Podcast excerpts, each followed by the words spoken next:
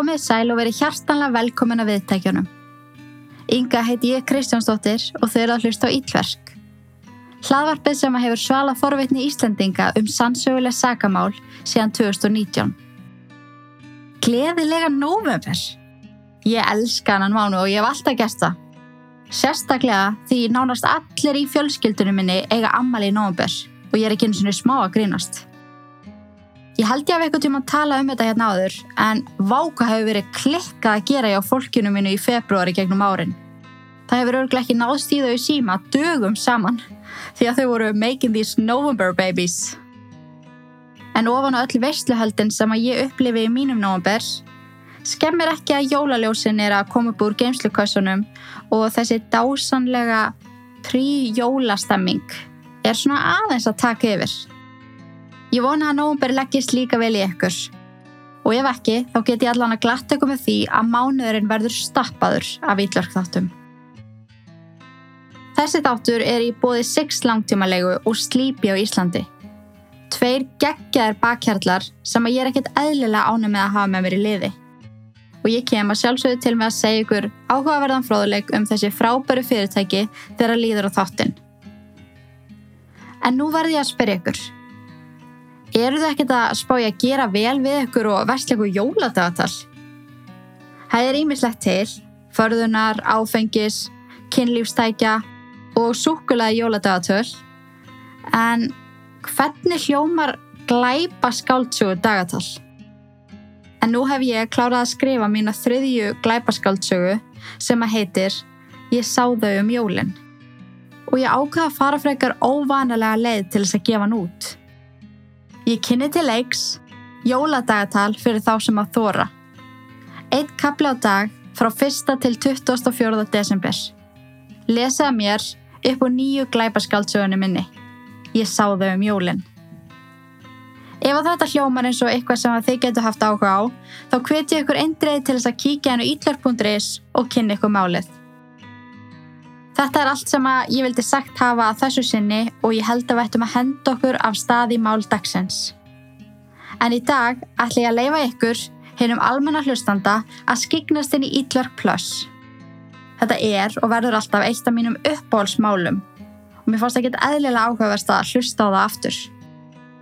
Það sem að mér fannst líka svolítið skemmtilegt við að hlusta aftur á þáttinn sem er síðan í byrjun 2021 er að heyra hvað sjálfsöryggi mitt þegar að kemur að því að lesa upp handrit hefur vaksið. Þeir sem að hafið hlusta hvað lengst á ítlverk munu taka eftir því þessum þætti hvað ég þóri ekki að láta blæbreyði og karakter í röttinni koma fram. Því að ég var svo innilega að einbeta mér á upplestrunum. Passa að láta lesblinduna ekki rústa þessu fyrir mér. Skálum fyrir bætingum í dag. Við verðum stundum að stoppa og klappa sjálfum okkur á aukslina.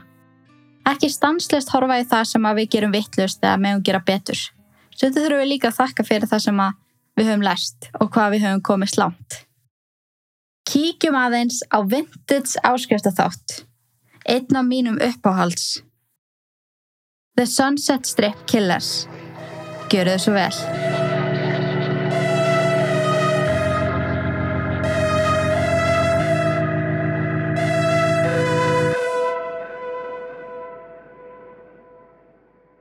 Carol Mary Peters fættist hann 27. ágúst árið 1942. Hún var annað barn þegar Charles og Gladys Peters. Ef maður myndi spyrja Carol út í badnæsku sína, myndi hún segja allt hafi verið fullkomið. En það var svo innilega ekki raunin. Æska hennar hafi verið það slæm að hún var búin að loka á minningarnar. Ímynda sér að allt hafi verið gott ímyndun sem að hún fór á endanum að trúa sjálf. Minningar Karolu móðu sína voru glæstar. Hún var falleg, elegant kona með töfrandi nerveru. Karol þráði það að verða eins og móðu sín, sem að vann sem hárgryslumeistari. Fadur hennar var hins vegar langt leitur alkólisti, sem drakk frá þeim alla peninga. Þau fluttu oft í leita nýjum tækifærum en alltaf náði Charles að klúðra öllu fyrir fjölskyldunni. Þótt Karol muni eftir mömmu sinni sem glæsi kvendi með gullhjarta, þá var ekki að það skafa af því hversu anstíkileg hún var við dóttu sína. Framkoman var það slæm að Karol hefur líklega streynt að loka á þær minningar og kosið að muna frekar eftir henni sem góðri konu. Glatis lísti dóttu sinni frá unga aldri sem óþægilegu erfiðu batni. Hún myndi aldrei standast væntingar hennar og gera hann á stolta. Þegar Karol var 8 ára, hætti Glatis algjörlega að tala við dóttu sína. Heima við yrt hún ekki á hana og einn daginn þegar Karol kom heim úr skólanum var heimilið harðlæst. Karol banka á hurðina og kalla á mömmu sína, er enginn kom til dera.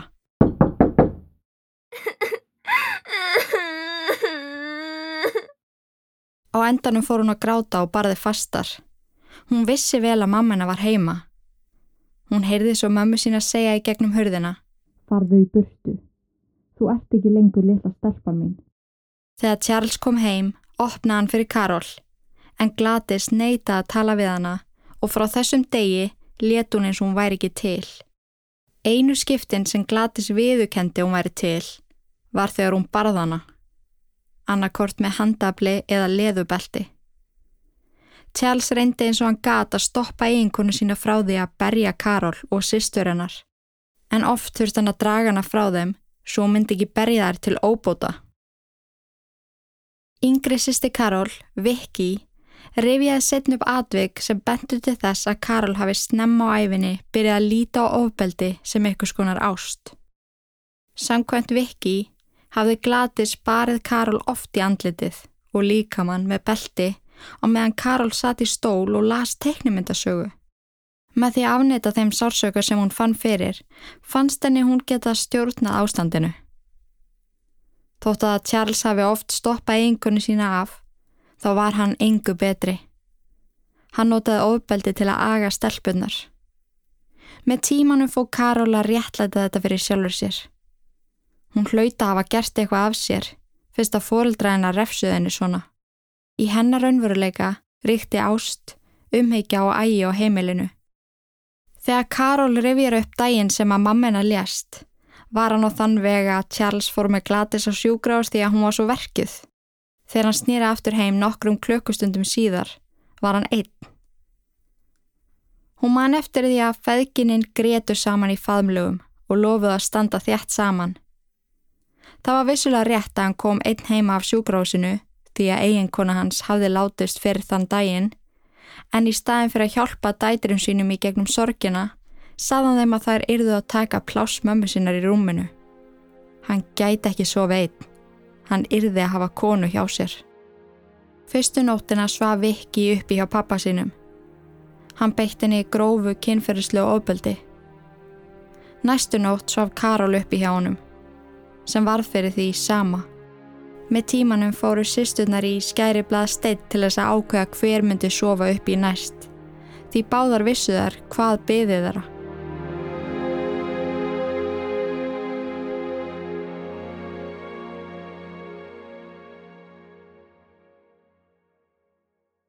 Rúmum átta mánuðum eftir að Gladys lést, giftið Tjál sig aftur. Hann hætti að misnúta sýstuna kynferðislega en barsmiðanar tóku við aftur. Hann hafði sérstaka anstegð á Karol, sagði hún var í bæði feit og heimsk. Nokkru mánuðum eftir að nýja eiginkonan flutti inn kom Karol heim úr skólanum og fann strax að það var eitthvað aðinn í húsinu. Þegar hún gekk inn í stofu sá hún köttu sinn dáin á gólfinu og við hliðans lág haglabissa í blóðpolli.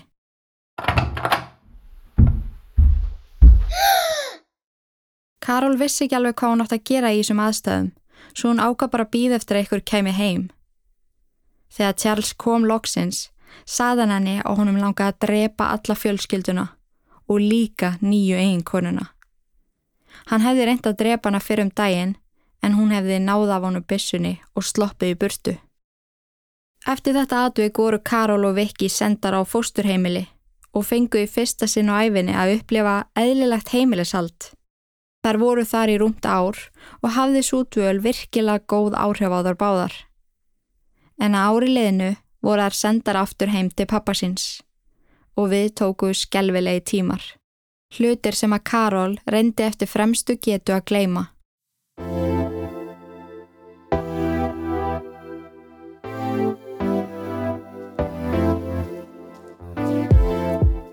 Það er nýverið búið að skella inn nýjum kökkum í langtímalegu sext. Þau hendu mér á glænían Renault Captur sem er svona bíl sem ég hefði aldrei spáði en vákaðan er fárala þægilegur. Ramax og bensibíl rungóður, skemmtilegur að keira og mér finnst ég bara algjör djöfis að skella á honum í alvörunni. En núna eru þau hjá Sixt að bæta nýjum bílum og þeirra plan er að auka úrvalið af 100% Ramax bílum. Því að öll stefnum við nú þangað. Að rúla um á Ramagni eins og, eins og sagt í ykkur allt annar auðlýsingu. En kíkja endilega úrvalið inn á Sixt langtímalega. Það finnir sér allir bíl við sett hæfi á góðu verði. Og hei, ekki gleyma að nefna það að þið séu að hlusta á ílverk og þá munum meistarandi þannig að rissa upp góðan díl fyrir þau. Skoðuðu bíl á langtímalegu. Hagstætt og alveg fárólega þægilegt. Sixt langtímalega. Takk og bless.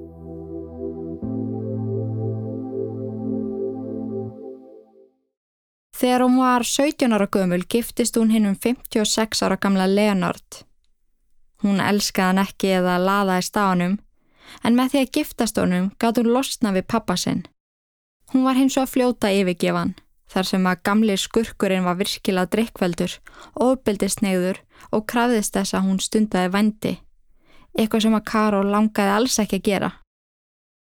Stuttu eftir hún skildi við Leonard, kynntist Karol hinn um 32 ára Dick Gaze. Hann var reytöfundur og Karol nöytast að vera í kringum hann. Dick var fyrsta manneskjan til að rósa Karol, hvetja hann áfram og segja störa stoltur af henni. Hún dundaði sig með honum við að skrifa smásögur og skissa upp teiknimyndasögur.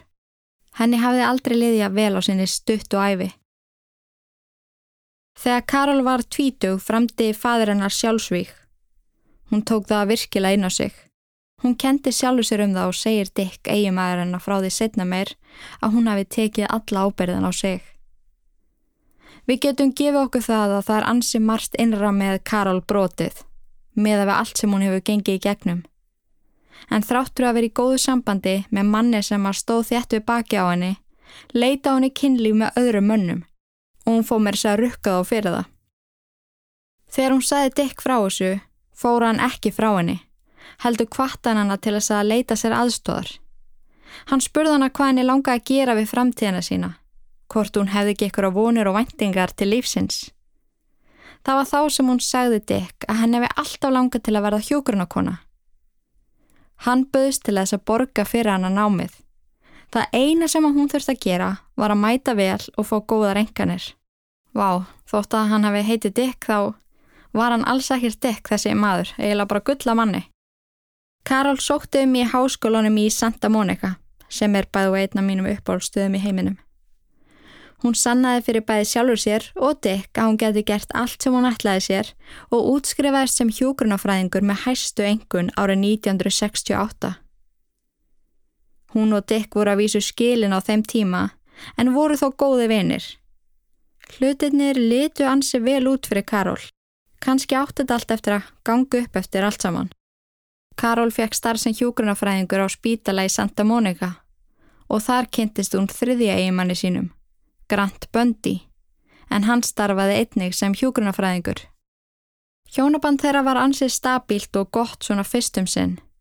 Þau fluttu inn saman og virtust lifa nokkuð eðlilugu lífi. Þar til að fyrsta batnir að koma í heiminn. Chris Bundy. Það fór allt niður á við í hjónabandið þeirra eftir að hann fættist. Þau rífust heftalega og fljótlega færðust háva reyfrildin yfir í alvarlegt óbeldi. Hún fór einu sinni frá honum átti í sambandi við annan mann. Það hins vegar endist ekki lengi. Karol kom nokkrum vikum setna með skotti á milli lappana eftir að maðurinn hafi haft af henni rúma þúsund dollara. Um svipa leiti hún kom aftur til Grant og bað hann að gefa sér annað tækifari, fór sjónennar að versna. Hún hafði alltaf verið með lélega sjón og þurfti að notast í glerögu, en allt í einu rakaði henni alls svakalega. Hún var mismunandi eftir dögum en stundum það slæm að hún gati ekki sint sinni þeirra. Þetta hjálpaði ekki sambandinu en það perraði grænt verulega að vera í sambandi með hálfblindri konu sem gati ekki séðum badnið þeirra. Hann fekk svo endala nóg þegar Karol þurfti að hætta að vinna því sjónin var orðin svo léleg. Þau eignuðust annan són samansamt, en þráttur allt þá voru þau greinilega stundakinnlíf. Um leið og setni sónuð þeirra fættist, tók hún drengina tvo í hvenna aðkvarf. Hún varða að komast í burtu frá eigimanni sínum sem var misnótað hana andlega og líkamlega nær daglega.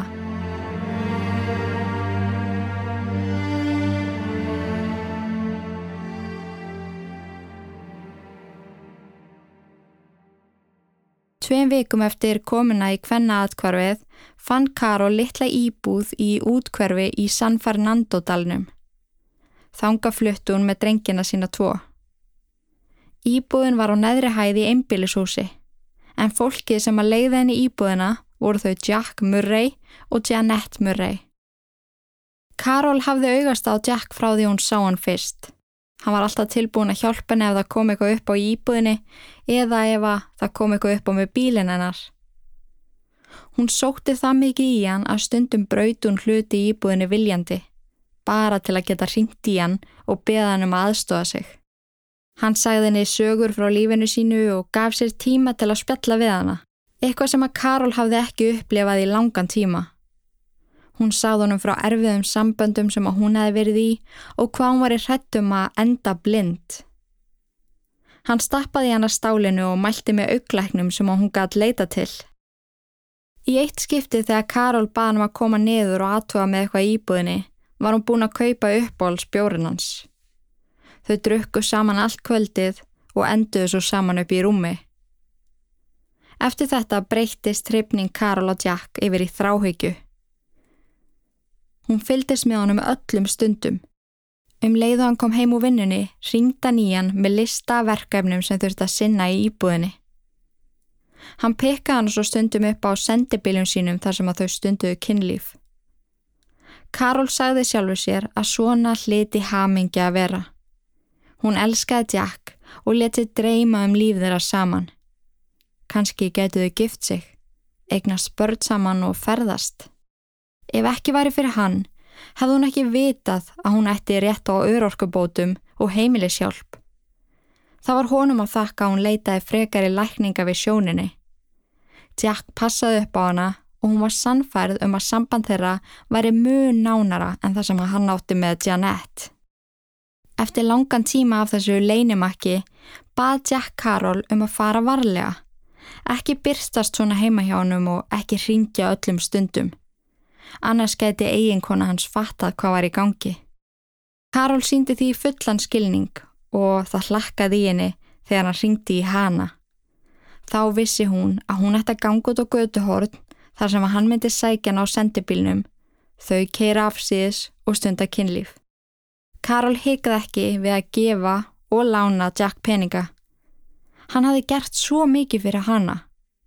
Líka með því aðstóðan fjárhagslega fannst henni hún hafa meira halda á hannum. Hvernig gæti hann svo sem yfirgefa hann eftir að hafa fengið svona mikla fjárars aðstóð frá henni?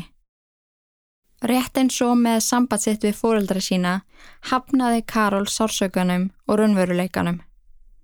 Draumórar voru það eina sem hún trúði raunverulega á. Það bætti svo verulega í hamingju Karol þegar allt small hjá henni á sömu veikunni. Hún komst í augnaðgerð sem að hún hefði beðið eftir í marga mánuði, gekk út úr henni með topp sjón. Dægin eftir það fekk hún greitt fyrir húsi sem að hún hefði átt með fyrrum eiginmanni sínum, rúmar 10 miljónir og í lóku vikunar fekk hún staðfestingu og greiðslu frá örorkusjóð. Hún var í sjöunda himni, þar til að hún fór að skoða sjálfa sig í spekli. Karol hafði séð mjög illa í mörg ár. Í kjölfarið átt hún erfitt með að hugsa um sjálfa sig og hvað þá spá í útliti sínu.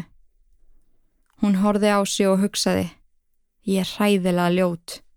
Ég er búttuð, stuttklift, með rísakleru og gráa húð.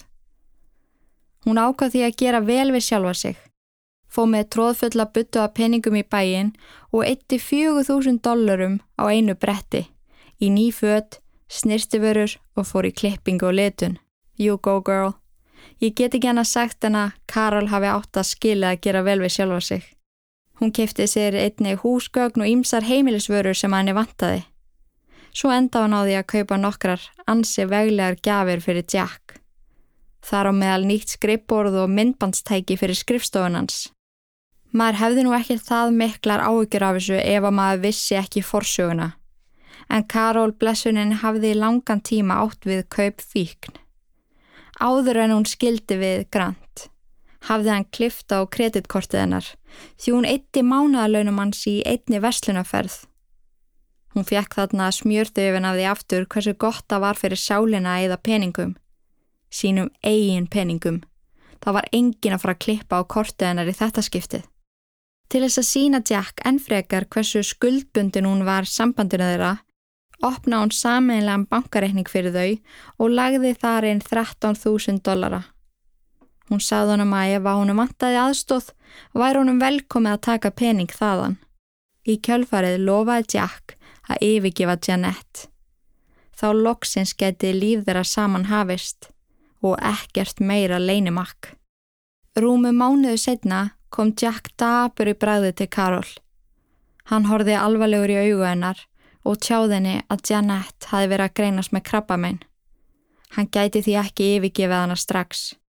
Sérstaklega ekki fyrir hann væri búin að hjálpa hann að greiða alla reikningana sem að fyldu sjúkdómnum. Karol sem að vildi með öllu hjarta flýta fyrir ferlinu og hafa Jack útaf fyrir sig, leta hann fá 10.000 dollara svo hann geti greitt reikningana og skilið við Jeanette. Karol reyndi eins og hún gata vera þólemóð, mánuðinni liðu hjá og líða fór á jólum. Til að gleyðja Jack keiftu hún handa sér og honum flug til Las Vegas og hótelgistingu. Þetta væri bæði jólagjöfin hans og líka þakkargjöf fyrir allt sem hann hafi gert fyrir hana. Ferðin sem átt að vera romantísk breyttist samt fljótt yfir í rifrildi. Skapjack breyttist um leið og þau stegu fætin í hótelherbyggið og raukan út og hjekk í spilavíti hótelsins alla nóttuna. Hann let ekki sjá sig fyrir að þau átt að fljúa aftur heim. Þegar þau voru komin aftur heim, stoppaði Jack í enda gödunar og leta hann að ganga að heimilegðra, svo það vekti ekki grunnsendir að þau varu saman í bíl. Setnaðan hann sama dag var banka á dyrnar hjá Karol. Þegar hún kom til dyra, stóð Janette þar með ferðartöskun hennar. Hún sagði henni að hún hefði glemt þessu í skottinu á bílum hans Jack. Janette var greinilega mjög reið og Karol sá hversu mikið hún reyndi að halda aftur að sér. Karl reyndi þá að breytum umræðefni og spurði hana hvernig gengi í livjameðferðinni. Hvort að krabbamenni væri farið að taka sinn toll. Janet horfið undrand á hana. Ha, krabbamenn? Ég er ekki með krabbamenn. Þegar Karl spurði Jack út í þetta, viðukendi hann að hafa logið. Hann hafi nota peningana til þess að borga láni af nýja bílum sínum. Karl var svo leið og reið. Hann sveik hana svo heftalega en Jack, sjarmurinn sem að hann var, náði að róa hana niður og sannfæra hana um ást sín á henni. Hann lofaði henni að hann væri við það að skilja við Janette. Hann lofaði henni í kjölfarið að eigða góðum tíma með henni á jóladag. Karol var svo spennt. Hún fór að kefti gafir handa börnunum hans Jack og hann sjálfan. Hún beigð svo allan daginn. Maturinn sem hún hefði eldað var orðin kaldur kertin úr sér brunnin og hún leið og vonsveikin. Þegar hún heyrði í bílnum hans í einnkeslunni og sá hann svo keira í burtu var henni nóg bóðið. Hún ákvaði að taka málinn í sínar eigin hendur. Hún tók 1500 dollara upp á veskinu sínu og gekk að röskla upp stegan og bankaði út í þeirra hurð Jack og Janette. Janette kom til þeirra og Karol rétti henni peningin. Hérna, takktu þetta. Þú mátt eiga hann pening að þú skilu við Jack. Janet brosti til hennar. Ok, ég skal taka við þessu ef að Jack vil skilja við mig fyrir þig.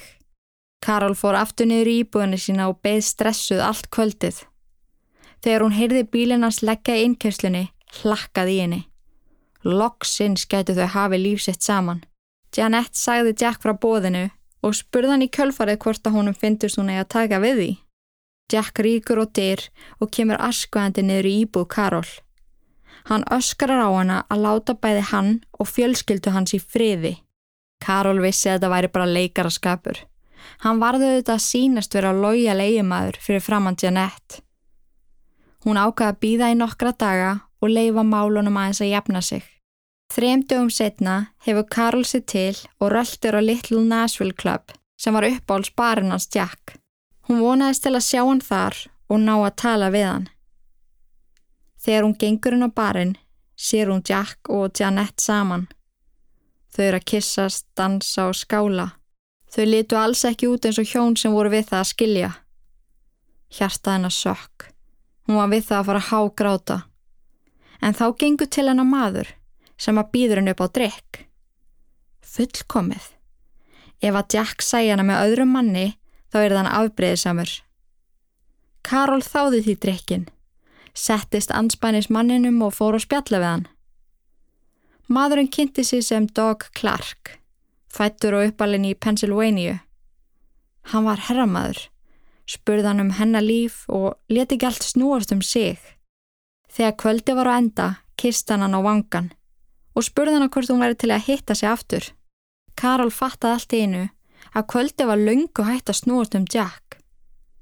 Þessi ungi dog, herramaður og sjentilmenni hafði algjörlega tekið hugunar af honum. Karol sagði slakka til að hitta hann aftur og sveif heim á bleiku skíi. Ef hún bara vissi að sjentilmaðurinn sem hún kynntist þetta kvöld var í kynferðslega brenglaður satisti sem að notfærið sér einmanna brotnar konur. Þá hafði hún mögulega hugsað sér tviðsvar um. Nokkrum dögum eftir að Karol og Dog hittust á barnum, ringd hann í hana og bauð henn í mat. Hann bætti svo við að sinir hennar væru velkomni með. Karol hafði aldrei kynnt sinni sína fyrir mönnun sem hún var að hitta og ekki eins og þeir hafi ykkur tíman haft áhuga á þeim hvað sem er. Strákanir hennar elskuðu Dog strax. Hann gaf sér tíma í að spjalla við þá og leika við þá og Karol átti ekki til orð. Datt hún í lukkupottin eða var hann að dreyma? Dog meira segja las sögu fyrir strákana áður en þeir fór að sofa. Þegar hann kom út úr söfnarbygginu sínu, tók hann þett um Karol. Kvöldið og nóttin var draumi líkust. Hann var guðdómlegur elskuji sem nöytast að fullnæga henni annað en bókstala allir menn sem hún hefði nokkuð tíma verið með. Hann rósaði henni, sagði hann hún væri gáfuð, falleg og ótrúlega góð móðir. Karol kleip sig. Hvað er eiginlega frétta með hann að náunga? Af hverju er hann á lausu? En svo kom það. Allt í hennu var dog auðmingilegur á svipin. Karol spurði hann hvað væri eiginlega að. Hann sagði henni að það væru smá vandamál með íbúðinans. Hann lekit alveg hrikala vel. Tókum andlitið og segð skamma sín fyrir að vera að spyrja hann að þessu. Þau væri nú bara nýbúin að hittast. Hann væri ekki eins og vissum hvort að hún vildi vera með sér yfir höfuð. Karol var alveg, jú, auðvitað vil ég vera með þér, þú, þú ert fullkominn. Þá segir hann, er séns ég með í geima nokkra hluti heima hjá þér. Bara menn ég leysi vandamálumna íbúðina mína. Karol hafði nú heyrt starri vandamál en þetta. Þetta er ekkert. Í guðana bænum geimdu allt sem þú þarft hérna elsku vinnu minn. Hann bætti svo við. Er sjansa í megi fór nærböksuna einar sem þú varst í dag? Æ, það er eitthvað við það að hafa þér hjá mér, þá sakna ég þinn kannski ekki af mikið. Á meðan við erum ekki saman, skiluru. Karol fór hún á bað og fór hún nærböksunum. Þegar hún réttunum þær, skoða hann böksunar og réttinni þær strax aftur. Hann saði svo hana. Nei, þær eru of stórar. Mér líði svo illa að hugsa um þessar aðstæður, ég fæ svona heitt í maðan og kjánarhóll, en hún bara, ok, ég elsku kúturum minn og gullrengur, eigur samt ekki að hittast fljótlega aftur.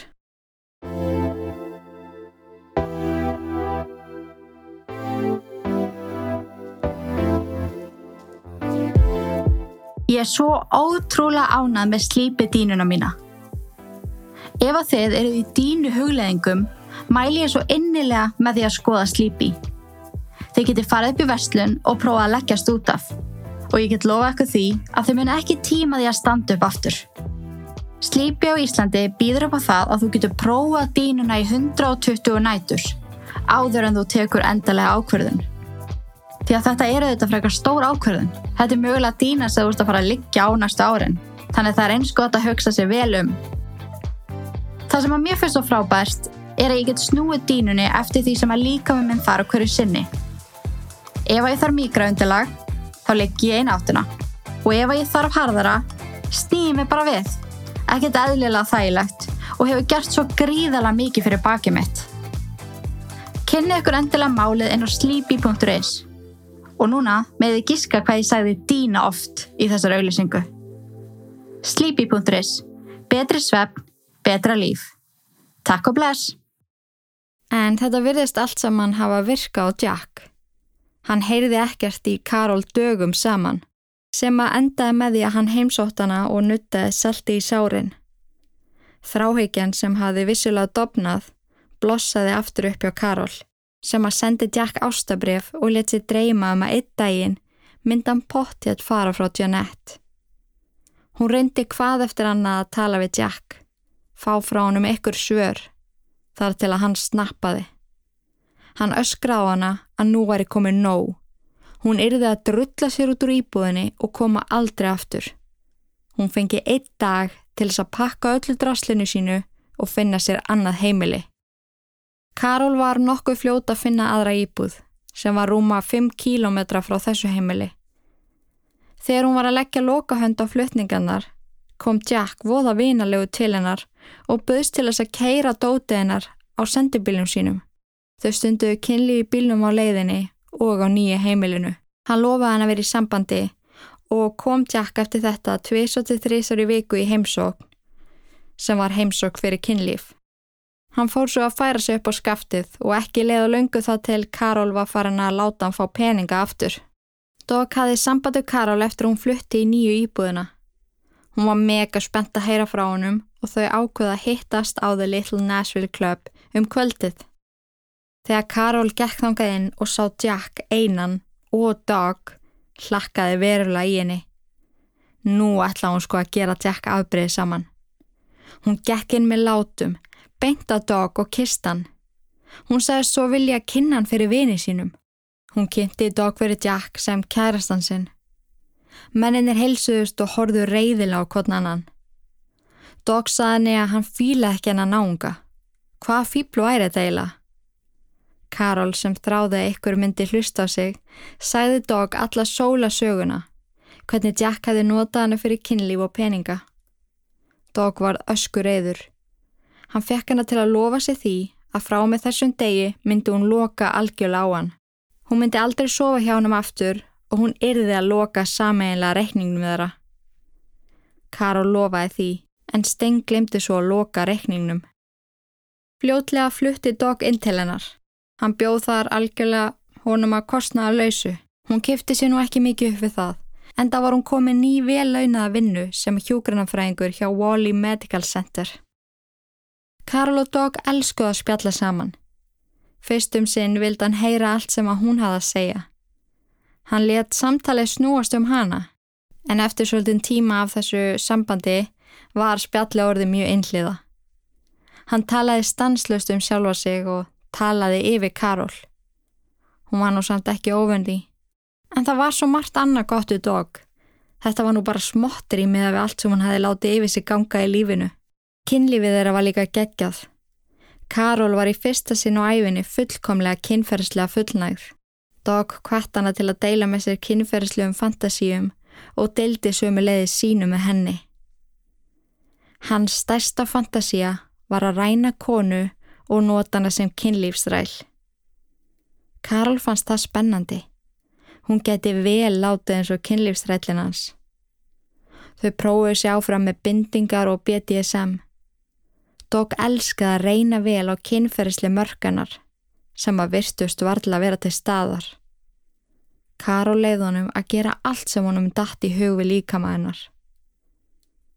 Fantasíunar fóru svo yfir í að ræna mannesku notana sem kynlýstræl og myrðana svo.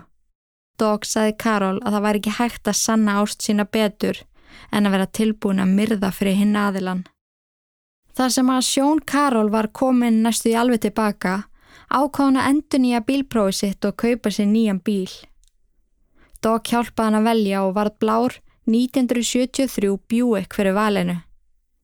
Henni fannst hann allt og stór og klunnalegur og erfitt að keira hann en ákvæmsamt að kaupa hann fyrst að Dog vildi það. Eitt daginn þegar Karol lægði bílnum sínum fyrir utan íbúðina, datt nýfur í fangi á henni.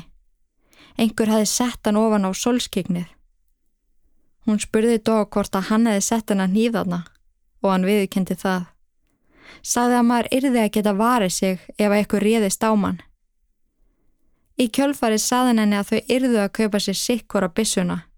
Það var í staðalbúnaður á bandarískum heimilum. Dæin eftir keiftuðu sér tvær bissur sem að þau skráðu á nafn Karol. Síðla kvölds í april 1980 gekk dogin í íbúð þeirra Karol þakinn blóði. Blái gallajakkin hans var allur út í blóðslettum. Það var blóð á tönnum hans og höndum. Karol fór með drengina sína inn í rúmi flíti og sagði þeim að hann hefði lendi í mótuhjólasleysi. En einstinni viss hún vel að Dog hefði látið fantasíu sína rætast. Án þess að spyrja spurninga tók Karol við blóða hnípnum sem var Dog réttinni og þreifan í vaskinum. Hann gekk til hennar og útskýrði málsitt að ekki væri allt sem síndist. Hann hefði verið með stelpu í bílnum þegar kærastinn hennar kom upp á bílnum og reif hann út úr honum og reðst á hann.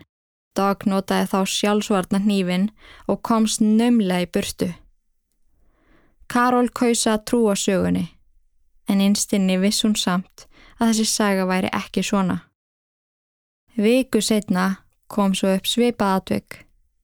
Karol tók við nýpnum, þreifan og meðan útskýrið dog fyrir henni að hann hefði kálað kærastanum sem að reðst á hann viku áður. Þegar dog sá ekki til, ringdi Karol í laurukluna. En eitthvað var að línunni svo hún náði ekki í gegn. Hún taldi að vera skilaböða ofan að hún ætti ekki að segja til elskuða síns. Líf Karol snýrist um dog. Hún var ekkert ánans. Hún eldaði fyrir hann, þreif heimilið, sá alfarið um þottinn og skaffa honum allan þann pening sem hann þurfti. Það var bókstala ekkert sem hann myndi ekki gera fyrir hann. Drengirnir hennar sem voru þarna orðni það stórir að þeir sáu að það var eitthvað skríti í gangi, reyndu að tala mömmu sína til. Þeir fyndi stokk stjórnenni.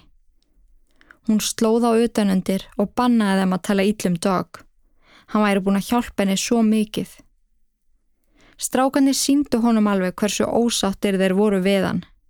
En Dog reif bara í þá, slóð á utanundir og hóta að drepa þá ef það er hægt ekki að láta svo litla smástelpur. Karol horfi bara á, saði strákunum að hlusta á Dog og þá er því allt í góðu. Framkoma Dog var verðið með hverjum deginum sér leið.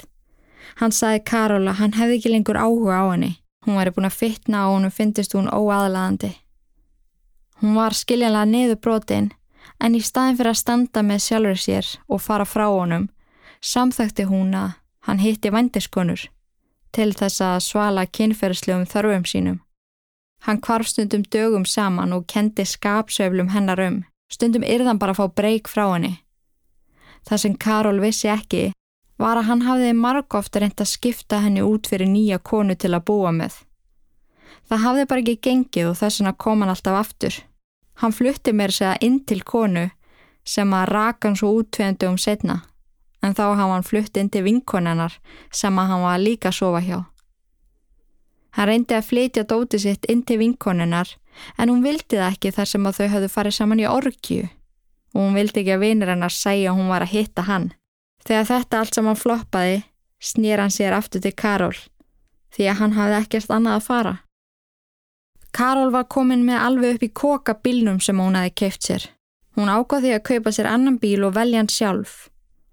Hún valdi sér léttan, sparneitin og þægilan bíl og lagði honum sátt í innkesslunni. Dog spurði hana hvort hann mætti taka rúnd og prófa nýja kakkan sem að hún sagði að væri alveg sjálfsagt. Kvöldi leið og ekkert bóla á dog.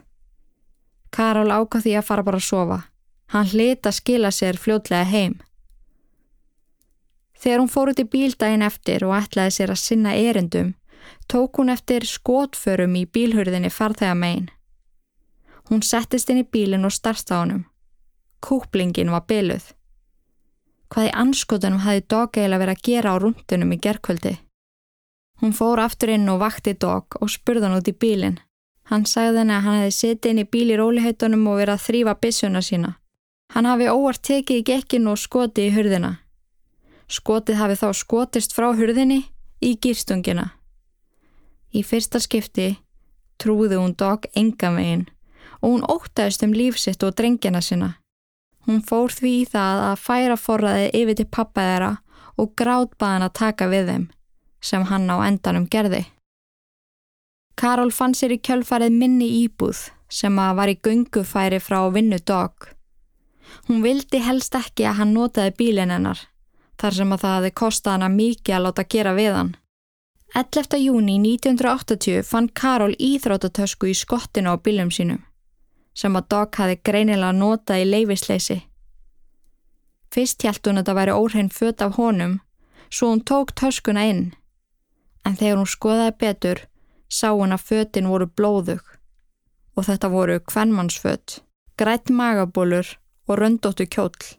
Hún reynir margsinnis að ná í dag en nokkri daga líða á nokkur á samskipta þeirra á milli. Þegar hún loksins nær í hann, játar hann fyrir henni hvað hafi komið fyrir. Hann hefði verið á rúndunum sentum kvöldi þegar hann raka augun í tvær ungar stelpur sem að sátu saman á strætóstoppistöð. Hann hafi keirt róli af þeim, skrúa niður rúðun á, spurtar hvað þar heita. Cindy og Gina voru sýstur á leðinni heim. Dog hafði sérstakann augast á Cindy sem var ljósærð, hávaksin og ótrúlega falleg. Í staðin fyrir að bjóða henn báðum far, sem var mun minna grunnsalegt, spurði hann Cindy hvort hann mætti bjóða henni á rúndin. Hún sá hann að maður var ekki séns að hún myndi skilja sýstu sína eftir.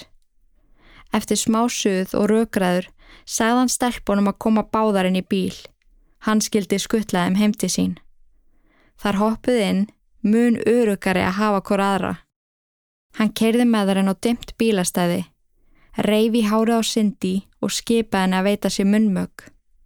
Á meðan hjælt hann bissu af höfði Gínu, sem gretur skelvingu. Þegar hann hafi lokið sér af, sagði hann Gínu að líti út um gluggan. Um leiðum gerði það skautan hann í höfuðið snýri sér svo að syndi og skaut hana líka. Hann kerði með líkin að geimslu sem hann hafði á leigu. Þegar hann var vissum að enginn væri nálagur, dró hann líkin inn og lagði þau ofan á dínu. Hann viðukendi hafa leikið sem er líkin, settu í hinnar ýmsu stellingar og hann hafi í rauninni skemmt sér konunglega á þessu augnabliki. Dog ákvað þarna að skjótast heim til Karol og sækja myndavillina sína. Hann yrði eiga myndir af systrunum til að minnast þessa augnabliks. Áður en hann tók myndir, misnótaði hann líkin kynferðislega. Hann viðukendi að honum hafi alltaf langa til að prófa slíkt. Og hann hafi í sannleika sagt, notið þess. Hann stilti eins og upp og tók myndir. Karol hugsaði með sér á meðan Dog sagði henni frá þessu að þetta hlítu að vera stúlkunnar sem að væri búið að vera lýsa eftir síðustu daga. Fóreldra þeirra voru viti sínu fjær úr áhyggjum.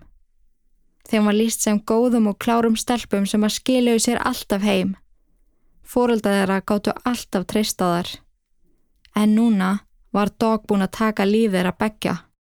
Dog saði svo Karol að hann hafi vafið minn í teppi og komið þeim fyrir henn í bíl. Hann hafi svo losað sér við líkin ofin í gjótu og vestur Ventura hraðbröðinni, mjög nála Disney Studios. Karol hugsaði mikið um þetta.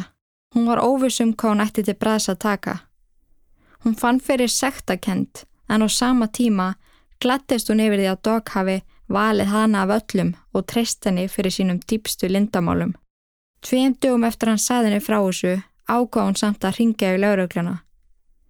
Hún sagði frá töskunni sem hún hafi fundið en lauröglan sagði henn að föttin pössuð ekki við lýsingan á fötunum sem að stelpuna voru í þegar hurfu og eiginlega skelltu á hana. Karol ringdi ekki tilbaka. Dægin eftir, á laugataskvöldið, kom Dog heim og sagði Karol að kveikja á frettunum. Aðal frettaefni dagsins var um mannanapni Vixu Weiss, en lík hans hefði fundist í skottun á Rolls-Royce bíl sem einhver hefði lagt í bílastæðahúsinu á Sheraton Universal Hotelinu. Dog held í fram að hann hefði fram í morðið fyrir um dægin. Hann hafi gert það til þess að komast inn í mafju. Þetta hafi verið nokkus konar intökupróf. Á sunnudeginum stakk Dog upp á því að hann og Karol færu saman á rúndin. Karol ótaðist verulega um lífsitt. En ef hann hafði það í sér að myrða tvær úlingstúlkur og saklausan mann til þess að komast inn í mafju, myndi hann ekki heka við að drepa hana. Hann kerði með hann á svæði rétt hjá Foothill Boulevard. Hann bent hann á klettabrún og sagði hann að nýlega hafa hann hent ljóshærðri vandiskonu þarna framaf eftir að hafa skotið hana. Þetta hafi gerst dægin sem hann fór á rúndin og nýja bílum hennar Karol. Hann hafi ætlað sér eiga viðskipti við stúlkuna en þegar hún sá bissuna hef hún öskrað, sparkaði gýrstöngina og brotið hana. En þetta hafi verið Sunset Strip morðið sem tala var um í frettonum. Þetta hafi verið 17 ár gamla Marinette Corner sem allir voru að leita af. Hann snýri sér svo að Karol og sagði henni Ég vil að þú sért í þessu með mér. Ég vil að þú takir þátt. Karol held að hann var að byggja um þetta því að hann elskaði hana. Treyst henni og vildi deila lífinu með henni. En í rauninni hafði hann engan áhuga á henni. Heldur vildi að hún gerði sig meðseka. En Karol var tilbúin að gera hvað sem er fyrir hann. Og næstu daga töluðu ekki um neitt annað en hvernig næsta morð yrði sem að þau ætluð að fremja saman. Degi setna eða þann 20. júni 1980 fór Karol í fyrsta skipti á rúndin með Dog í þeim tilgangi að fremja morð. Þau rákust á ljósarða konu gangu neður Hughes Market á Highland Avenue í Hollywood í kúrekastígvilum og stuttum vinröðum leðukjól. Dog bent á hana. Þetta er the one. Hann saði Karol að fara aftur í, skrúaði niður rúðuna og bað konuna að koma. Hún gekk til hans og samþykti fljótlega að setast inn í bílinn. Hún hétt Kathy og var 17 ára gömul, brósmild og böbli. Karol kynnti sig sem barburu og ríg hjælt í bissun ofan í veskinu. Það kom í ljósa Kathy var venditeknir og bauð doginni 30 dollara fyrir tótt. Hún samþykti það, en sama hvað dogarendi náðan ekki að fá standpínu. Hann leita á Karol og bentin á að skjóta hana, en hún hristi höfuðið. Hún vildi ekki drepa Kathy. Dog greif þá bissuna sína og skaut hana sjálfur. Dog bjóst við því að Karol myndi panika. Jafnvel fara að gráta, en hún satt bara róleg og fyldist áhuga sem með. Hann skipa henn að sittast fram í. Karol ítti Kathy neyri gólf, færði sæti aftur og lagði blóðugt höfuð hennar í kjölduna. Hún notaði tissjú til að þerra blóðið og jakkan á stokk til að fela Kathy. Þau kerðu með hana áfram norður og stoppuðu nálat Magic Mountain Amusement Park. Þar dróðu Kathy út úr bílnum og skildu hann eftir í runna. Þó óviss um hvort að hún væri dáin. Hún fann svo daginn eftir, látin inn í runnanum. Karol og Dog lendu heima klukkan 5 um morgunin Um hátiði fóruðu saman og þrifu bílinn hátt og látt. Sama kvöld fór Dog á rúndin og tók fljótlega upp í bíltessin þrjávændi tækna. Eftir rifrild á myndli kvennana, sem að Dog var ekkert sérstaklega spá í, fóru tværðir út úr bílnum og Exi Wilson satt einu eftir. Hún samþekti að veitunum þjónustu sína og kerði Dog með hennin á dömti bílastæði. Á meðan Exi veitunum munmög skautan hana aftur í höfuðið sem er rosalega riski á meðan ekkur er þannig niður á þér. En ok, ég veit ekki hvort þetta var viljandi hjá henni eða hvort þetta var einhvers konar reflex en hún hann að býtur hann mjög fast í lemin og hann störtlast úr sásöka dregur hann á hárinu út í bílnum en stelpann sleppir ekki takinu. Hann sækir þá nýfu rasvasanum og sker af henni höfuðið og þá loksins losnar kjálkinn Hann setur höfuð Exi í póka og setur í skottu á bílnum, en skilur líki eftir á bílaplaninu. Dog var í ham og ákveður að keira aftur á bílastæði þar sem hann pekkaði upp Exi fyrir um kvöldið. Kanski voru vinkonunnar enþá þar, sem að reyndist vera rétt. Einn þeirra settist inn í bíl til hans. Hann bauði henni góðan pening fyrir þjónustu sína sem að hún samþekti. Hann fór með hann á sama bílaplan þar sem hann hafi afhafða vinkonu hennar nokkrum mínutum áður. Á meðan hún veitt honum munmög, skýtur hann hann í höfuðuð. Tók eirnalokkun hennar og sparkaði henni svo út úr bílnum. Þetta var í fyrsta skipti sem að Dog uppleiði áhugjur að því að kannski kemist upp um hann núna. Þessi þriðja vinkonuð hana. Hún hefði séð skýrt og greinilega framann í hann. Hún vissi að báðar vinkonur hennar hefði átt í viðskiptum við hann þetta kvöld. Hann hafði líka ringt í konur sem að þekkti Cindy og Dínu og þóst vera að lögga.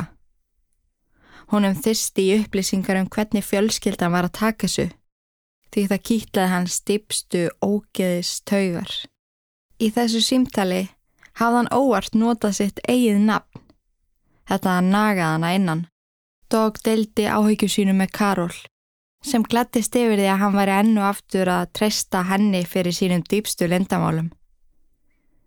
Hann bað Karol líka um að geima höfuð Exi inn í fristi sem að hún samþekti. By the way, ef að þeir eru viðkvæm, væri sniðugt að skipa svona 30 sekundur áfram. En næstu daga þá afþýtti Karol höfuðið, greitti hárinu, málaði það og puntaði, svo að Dog geti stungið limnum inn í það. Hann deilir því setna meir að þetta hafi verið ofsafengnustu fullnægingar sem hann hafi nokkuð tíma fengið og Karol nöyt stundana sem hún átti með höfðinu. En það gengur ekki til lengtar að halda í afskortna líkamsparta. Þegar lyktin var orðin óbærileg, keifti Karol viðarkassa og kom höfðinu fyrir þar ofan í. Hún og Dag henduði svo út af bílnum og lendi kassin í bílastæði fyrir utan íbúðarhús. Morgunin eftir fann Jonathan Caravello boksið fyrir utan húsi sitt og maður getur rétt ímynda sér skelvinguna þegar hann opnaði kassan og sá þar afskorið höfuð, vafiðin í gallaböksur. Hann ringdi á laurugluna sem að hóf strax rannsókn á málinu. Samband Dog og Karol varð eitraðara með hverjum deginum sem leið. Karol var samt alltaf bjart sín. Eitt daginn er þið allt eðlilegt og þau gætu elska hvort annað að eilifu. En Dog hafði engan áhuga á henni. Karol fóru að leita að leiða til að gleðja Dog, kveikja nestan aftur. Hún vissi hann væri mikið fyrir ungar stelpur. Hún fór því að bjóða í heimsókn 11 ára nágrannastúlku. Gaf henni smákökur og spjallaði við hana. Vanninn traust barnsins sem að fóra að koma reglulega í heimsókn. Dog létt svo til skara skrýða og var virkilega ánæður með þessa gjöf sem að Karol færðunum. Hann auðgaði stúlkunni reglulega, mánuðum saman. Hann sagði henni að ef hún hætti að koma í heimsókn myndi hann segja fóruldramennar að hún hafi reyndið sig. Þau myndu afneita henni, svo hún þorði ekki öðru en að koma alltaf aftur. Hann skipaði stelpunni að byggja Karol um að sofa á sér. Stelpan þorði ekki öðru en að spyrja Karol sem að hristi hausin. Henni fannst það ógeðslega tilöksun. Dog leita á hana og hún sáða í augum hans að húnum var alvara.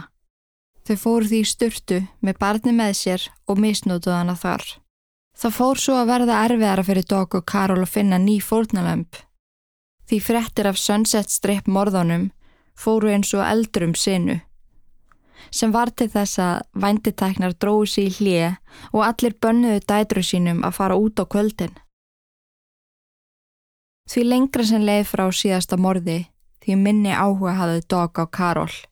Hann sá engan tilgangu í að vera með henni lengur. Kallaði hann að öllum íllum nöfnum og sagði henni að hún geti glemt í að það verði ykkur tíman, ykkur á milliðra. Hann hafi engan áhuga og með tímanum hætti hann alveg að tala við hana. Líf Karol var gersulega í mólum. Hún saknaði dog svo sárt og hún var svo einmanna og þráði að tala við eitthvað. Eitt kvöldið ákváðan að ringja í fyrirvenandi kærastað sinn, Dick Geese. Þau spjölluðu saman heil lengi og eitthvað neginn leiti samtalið út í það að Karol sagði honum frá öllu sem að Dog hafði gert. Þegar samtalenu laug fann hún fyrir gríðalegri sektakent. Hún hefði sennileg ekkert að segja hún frá þessu. Hún ringti því aftur í dykk og sagði honum að allt sem hún hefði delt með honum væri bara partur af skáldsögu sem hún var að skrifa. Henni hafi langað að heyra raunveruleg viðbröð frá honum. Hægðun hennar í vinnunni var líka mjög skrítin. Hinn er hjúgrunafræðingarnir forðust hana. Því hlutinir sem hún sagði voru svo skrítnir. Hún deildi með þeim sömu sögu hún hafi sagt ykk.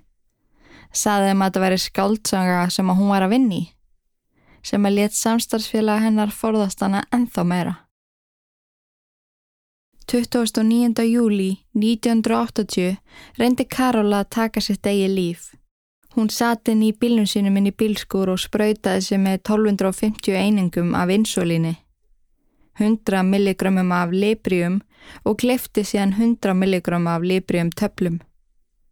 Hún hafði fyrir um daginn skrifað miða til dog og sagt honum hvað hún ætlaði sér að gera. Í þeirra vonum að hann kæmi og bjarga henni, en hann kom aldrei. Þegar áhrifin af livjónum kikkuð inn og Karol áttaði sig á því að dog væri ekkert að fara að koma, Kerði hún út af bílskúrnum, niður götuna og lagði í bílastæðinu fyrir utan veitingastæði hverfinu. Hún leiði út af, en rankaði við sér þegar bráðalegar mættu á svæðið og reyndu að hjálpenni. Það kom svo í ljós að Dog hafði alveg séð miðan. Í stað þess að komin eftir bjargar, ringd hann í vinnun hennar og sagði að Karol kæmi ekki að vinna daginn eftir því að hún hefði ákveðað að drepa sig. Í kjölfarið ringdi vinnuveitandi Karol í laurugluna sem fór á fullt að leita af henni. Karol lifði af en mátt ekki keira og eina manneskjan sem henni dætt í huga ringja í til að láta sækja sig var Jack Murray. Hann kom fljótlega og keirðana heim og þau ákvöða að hittast daginn eftir þegar Karol væri búin að kvíla sig. 1. ágúst 1980 kom 11 ára stúlkan í heimsók til Karol. Dog var ekki heima svo að Karol fannst örugt að bjóðin inn, en sagði henni hún þyrst að skreppa, en stelpan mætti vera þarna ef hún vildi. Karol sem fór að hitta Jack rétt misti af Dog sem kom inn í íbúðuna og fann 11 ára stelpuna rétt eftir að Karol fór út. Hann bauði 11 ára stelpunu með sér á rúndin, sagði henni að þau ætlaði að gera svolítið skemmtilegt saman. Hann kerði svo rólega niður þekktustu vandi gödunar og leitaði af næsta fornalambi. Þegar ung stelpa samþykti að setjast inn í bíl til hans og veit honum þjónustu sína, hann 11 ára stelpunni að fara aftur í á meðan. Hann kerði á afskekt svæði og vanditeknirinn hófa veit honum munnmögg. Eftir nokkra mínútur tekur hann upp bissu og skýtur hann í höfuðið. Á meðan stelpan sata aftur í og horfi á, skelvingu lostinn. Hann skuttlaði henni svo heim til Karol og hótaði henni öllu ítlu ef hún segði frá. Hann fór svo af stað til þess að losa sig við líkið. Á meðan þetta gekk allt saman á var Karol með Jack. Hún baði hann að sofa hjá sér. Í síðasta skipti, síðan mynd hún láta hann vera að eilifu. Jack saðist ekki vilja það. Nema að Karol myndi retta annari konu til að vera með þeim. Karol var þá hugsað til 11 ára nákvæmlega stelpunar og sagði Jack að koma með sér heim í smá stund. Hún gæti retta þessu mun fyrir en hún grunaði. Hún hljópi inn og kom tilbaka með stúlkuna með sér. Karol sagði Jack að keira á afskektan stað þar sem hún skipaði hann um að snerta stúlkuna. Karol var þissa yfir því hversu graður og ógeðslegur Jack varð. Þegar hún og Dog gerði þetta var þetta allt svo eðlilegt en núna leiðinni ógeðslega. Hún stoppaði Jack af og sagði hann um að ef hann myndi hitta hann aftur, fengi hann meira. Jack samþekti það og þau ákveða hittast á Little Nashville barnum setna í vikunni. Karol fór í sitt fínasta pús. Kanski fengi hún tækifæri með Jack eftir allt saman. Þegar hún gekkin á barinn, sá hún hann. Hún gekk að honum og baði hann að koma með sér. Hún þyrsti að sína honum svo litið. Karol gekk með jakkabillum sínum og opnaði skottið. Sjáðu, þetta er morðpakkin minn. Hér eru límbönd, nývar og þurkur. Allt sem þarf. Hún baði jakka að segja sér hvað hún ætti að gera næst. Hvað sem er. Og hún myndi framkama það. Hún rétt honum svo handskrefaðan með það. Hittu mig eftir að barinn lokar. Í þetta skipti færðu að fara alla leið með stelpunni. Karol gekk í burtu, ansi kókraust. Hún var búin að taka þetta algjörlega í sínar hendur. Hún var með Jack í vasanum. Eða það held hún allavega. En Jack kom hlaupandinn á barinn, fór til vina sinna skítrættur og sagði þeim frá öllu sem að Karol hafi sagt. Þeir sagði honum að hann yrði að ringja í laurugluna sem hann ákvaði að gera en eftir að hugsa í smá stund þá hafði hann misnúta barn og Karol vissi það. Ef hann kæmi upp um hana, geti hún komið upp um hann og þá væri hann í djúpum skít. Í millitíðinni var Karol búin að hafa samband við Dog. Hún sagði honum að Jack yrði að deyja. Hann vissi of mikið. Plan sem að Dog var vel til í að framkvæma. Um klukkan hálf þrjú um nóttina hittust Karol og Jack fyrir utan barinn. Þau gengu að sendibil Jack og fóru inn að aftan.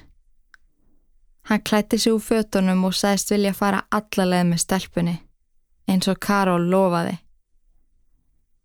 Það fauk í hana þegar hann saði þetta. Af hverju var hann að hugsa um stelpuna og meðan hann var með henni? Á þessu andataki áká hann að taka málinn í sínar hendur. Hún tók bissun upp úr veskinu sínu og skauði Jack í höfuðið. Hún var ekki vissum hvort að hann væri dáin, svo hún skauði hann aftur, bara til öryggis. Og til þess að vera 100% viss, stakk hún hann sex sinnum. Karol vissi að það var að það tengja bissukúlur við bissu tegund, svo ef hún myndi skilja eftir sönnunagögn væri hægt að rekja morðið til hennar. Hún ágað því að skera höfuð hans af, setja það í plastboka og taka það með sér heim. Hún ringdi strax í Dog frekar stolta sjálfur sér og sagði hann hvað hafi gæst. Dog kom til hennar og þau losuðu sér sama við höfuðið. Hann var tens og stressaður, orðin virkilega hrættur um að allt kæmist upp. Dog saði henn að það hefði verið heimskulegt að drepa Jack. Þótt hún hafi skorið hausin af honum þá voru hilkin enþá í bílnum hans, svo þetta var allt saman tilgangslöst. Þegar Karol átti að sjá því að þetta væri líklegast rétt hjá honum, fór hún líka að panika. Hún vildi ekki fara í fangelsi, en hún vildi heldur ekki að Dog væri reyður við sig. Hún stakk því upp á því að þau fyndu sér venditækni saman, bara til að sofa hjá, til þess að taka hugan aðeins af þessu. Dog samþykti það og fóruðu heim með venditækni með sér, en Dog endaði á að reka Karol út úr rúminu svo hann geti verið eitt með koninni. Karol hlíti og lagðist á gólfið með teppi. Hún skildi þetta ekki. Hvernig gata hann komið svona fram við hana eftir allt sem hún hefði gert fyrir hann og allt sem þau hefðu gengið í gegnum saman. Seks dögum eftir morði á Jack fór að berast slæm likt úr sendibílnum sem að stóð fyrir utan Little Nashville Club. Fólki sem að bjó í kring hafði ringt í laurugluna svo hægt var að komast til botts í því hvaðan þessi hræðilega lykt kæmi. Þegar lauruglan mætti á svæðið funduður út að lyktin kæmi úr sendibilnum. Þegar þeir opniðu bílinn, tók á mótiðum en þá sterkari lykt og ítla leikið líkt Jack. Strax í byrjun rannsóknar var gert ráð fyrir því að morðingin væri líklegast kona, þar sem að Jack var greinilega nýbúin á stundakinnlíf eða á leiðina stundakinnlíf svona miðaði hvernig fötin voru hálfu utan á honum. Og eins og við þekkjum er alltaf leita fyrst í maka, svo Janette var tekinn til yfirherslu, sem var gjörsanlega störtluður sorgi við frettonum. Það var einnig tala við starfsfólk Little Nashville og það beði um að rifja upp síðustu daga. Hvortu muni eftir Jack, fljótlega barst Karol Böndi í tal. Dægin eftir var bankað fast á útidrahurð Karol Þegar hún opnaði tók á mótenni tveir laurugluþjónar sem báða hana vinsalegast um að fylgja sér. Þegar lauruglan spurði hvort að einhverju fleiri væru inn í íbúðinni, benti Karol á baðherbyggið. En þar var Doggy styrtu með vanditekninum frá kvölduna áður, en þeir voru svo einni tekin upp á lauruglustöð. Karol og Dog reyndu að halda rósinni, en þau hafðu búið sér til fjárvistasönnun ef eitthvað svona kemi upp á. Karol breytti sögun aðeins. Hún bætti við að hún hafi hitt Jack fyrir um daginn, daginn sem hann lést. Svo hóst frásögn á þvíleikri sorgarsögu. Hvernig hann hafi beitt hann á ofbeldi, stólið af henni peningum. Hún viðukendi að hafa átt eins bissu og umvarætt, en hafi neðst til að selja hana því hún átt engan pening. Það voru ekki nægar sannanir fyrir hendi til að halda þeim, svo Karol og Dog fengu að fara. Lauruglan var samt komin á sporið og vissu að það var eitthvað off við sögurna þeirra. Dog öskra á Karol alla leiðina heim á lauruglustöðinni og kendi henn um allt. Hann saðist aldrei vilja sjá hana framar. Um leiðuðu kæmu heim ætlaði hann að taka dótið sitt og fara. Karol var miður sín. Það að drepa Jack átti að færa þau nær saman, ekki stíja þeim í sundur. Hún hafði drepið Jack til að hillan. Sín honum hvað hún getur. Dog stóð við það sem hann sagði. Hann tók dótið sitt og fór. Karol vissi ekki hvað hann átt að gera. Hún var svo ein og tínt.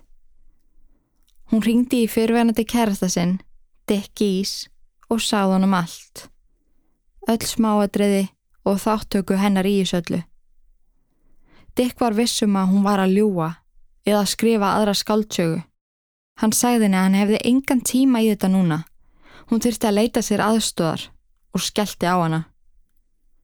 Morgunin eftir mætti Karol í vinnuna klukka nýju. Í kringum halva ellefu var Karol algjörlega búin að missa stjórn á sér. Hún gekk inn á setustofu hjúgrunafræðinga þar sem að umsjónum aða dildarinnar Lían Lein sat á samt Hávard Vanhoff kollega sínum. Karol byrjaði að tala við þau. Lían, sem var orðin ansi vön vittlesin í henni, reyndi að hunsana. Hún lísti öllu fyrir þeim í smáadröðum, hvað hún og Dog hafðu gert. Lían áttaði sér fljótt á því að Karol var ekki að bylla. Hún var að játa. Þegar Lían stendur upp til þess að ringja í laurugluna, smegir Karol sér út af seturstofunni og út úr byggingunni. Örfa um sekundum síðar umkringir sérsveitin sjúgrásið, en Karol var á bak og burt. Hún fór rakleðist í dag og saðunum hún ætlaði að gefa sig fram. Hann mætti eiga peningar hennar svo hann geti komist í burtu. En dag var með annað plan. Um leið og Karol var farin ringd hann í laurugluna og sagði að hann vissi hver hefði drepið Jack. Karol Bundy var í stór skrítin og veik kona. Þegar Karol lendi heima á sér ringdi hún líka á laurugluna og viðukendi allt. Nokkru mínutum síðar var lauruglan búin að umkringja húsæðinar. Í yfirheyslu glimti Karol og hún ætlaði ekki að nefna Dog á nafn því að hún vildi að hann myndi komast í burtu. Hún sagði alla sólasöguna og hafði Dog með í frásögninni.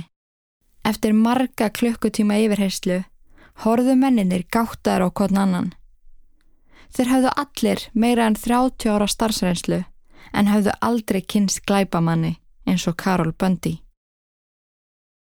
Næstu mánuði vann rannsóknahópur Sunset Strip Murders yfirvinnu og sönguða sér öllum þeim sönnunagögnum til þess að geta ákjært Dog og Karol fyrir allt sem að þau hafðu gert. Frásagnir Karol komu upp um alla þeirra glæpi en líka þá sem að Dog hafði framið einn. Það var hægt að renna stóðum undir allt sem hún segði. Karol var næstu fimm mánuði í rannsóknum hjá geðlæknum sem sögðu hana meðal gáfaða en alls ekki siðblinda. Morði á Jack Murray hafi verið sprenging af reyði, gremju og haturs vegna misnótkunar, svika og höfnunar sem hún hafi gengið í gegnum allt sitt líf. Hún var því í talin sakhæf. Kviðdómur hóf ákvörðunatöku á morgni fyrstudagsins 21. februar 1983 og hvað upp dómsinn 28. februar. Dog var dæmtu til dauða en Carol fekk tvo lífstíðadóma. Hún var flutti í California Institution for Women þar sem hún hjælt áfram að taka alla sög á sig. Sæðist hafa rugglast þegar hún blandaði Dogin í málið. Hún sæðist elskan og muni aldrei stoppa fyrir hann hann gangi um sem fráls maður. Karol lést það 9. desember árið 2003 vegna hjartabeilunar en Dog er enn að býða eftir döða sínum. Ég vona að þið hafi haft gaman að því að fá skiknast aðeins inn í ítlverk áskriftuna. Og ef ykkur langar í meira efni frá mér, getið þið skoða málinin á ítlark.is og fengi aðgang að yfir 160 svona þáttum. Takk fyrir að hlusta, takk fyrir að vera til og í guðana bænum forðistu all ítlark, nema þetta podcast. Veriði sæl. Haugur, take it away. Sýnda sáli sem í djúpa hafi sökku Gangin líf eins og flugur inn í krukku meðan 666 andast luppu Bættu sjöfið og þú dottir eftir lukku. Sýnda sáli sem í djúpa hafi sökku Gangin líf eins og flugur inn í krukku meðan 666 andast luppu Fyrir að dimm og frostin ístir inn að beini. Engin engil sem að veiti verði í eðilögðum heimi sem að lagðist í eði með heift og sakleysingjar týndu lífum. Verkin ítlu sem að fólki sá í sínu sínum Hversu margir hræðast drauga? Hversu margir hræðast að að horfi í augu dauðas augu taka mann á taugum eins og andar sem að herja mann. Hvaði voru á himnum fyndu engil til að verja mann. Hjartaslæri svo það sé með djöfulinn á hælunum Refur á móti hænunum, úlfur með sögða gæru Ílska reykar í bænum og lömpi þakma þórað ekki að vanda Allt og marga sálir sem að tilbyðja fjanda. Hamingja krasar eins og skip sem strandar anda Dráttur milli handa. Hættir að vanda Þegar að þreyttir að hálsi. Þegar ótti tekur yfir missa sakleysingjar málið eins og nortni galdra fári. Bættu sjöfið og þú dottir eftir lukku. Sýnda sáli sem í djúpa hafi sökku Gangin líf eins og flugur inn í krukku meðan 666 andast luppu Bættu sjöfið og þú dottir eftir lukku.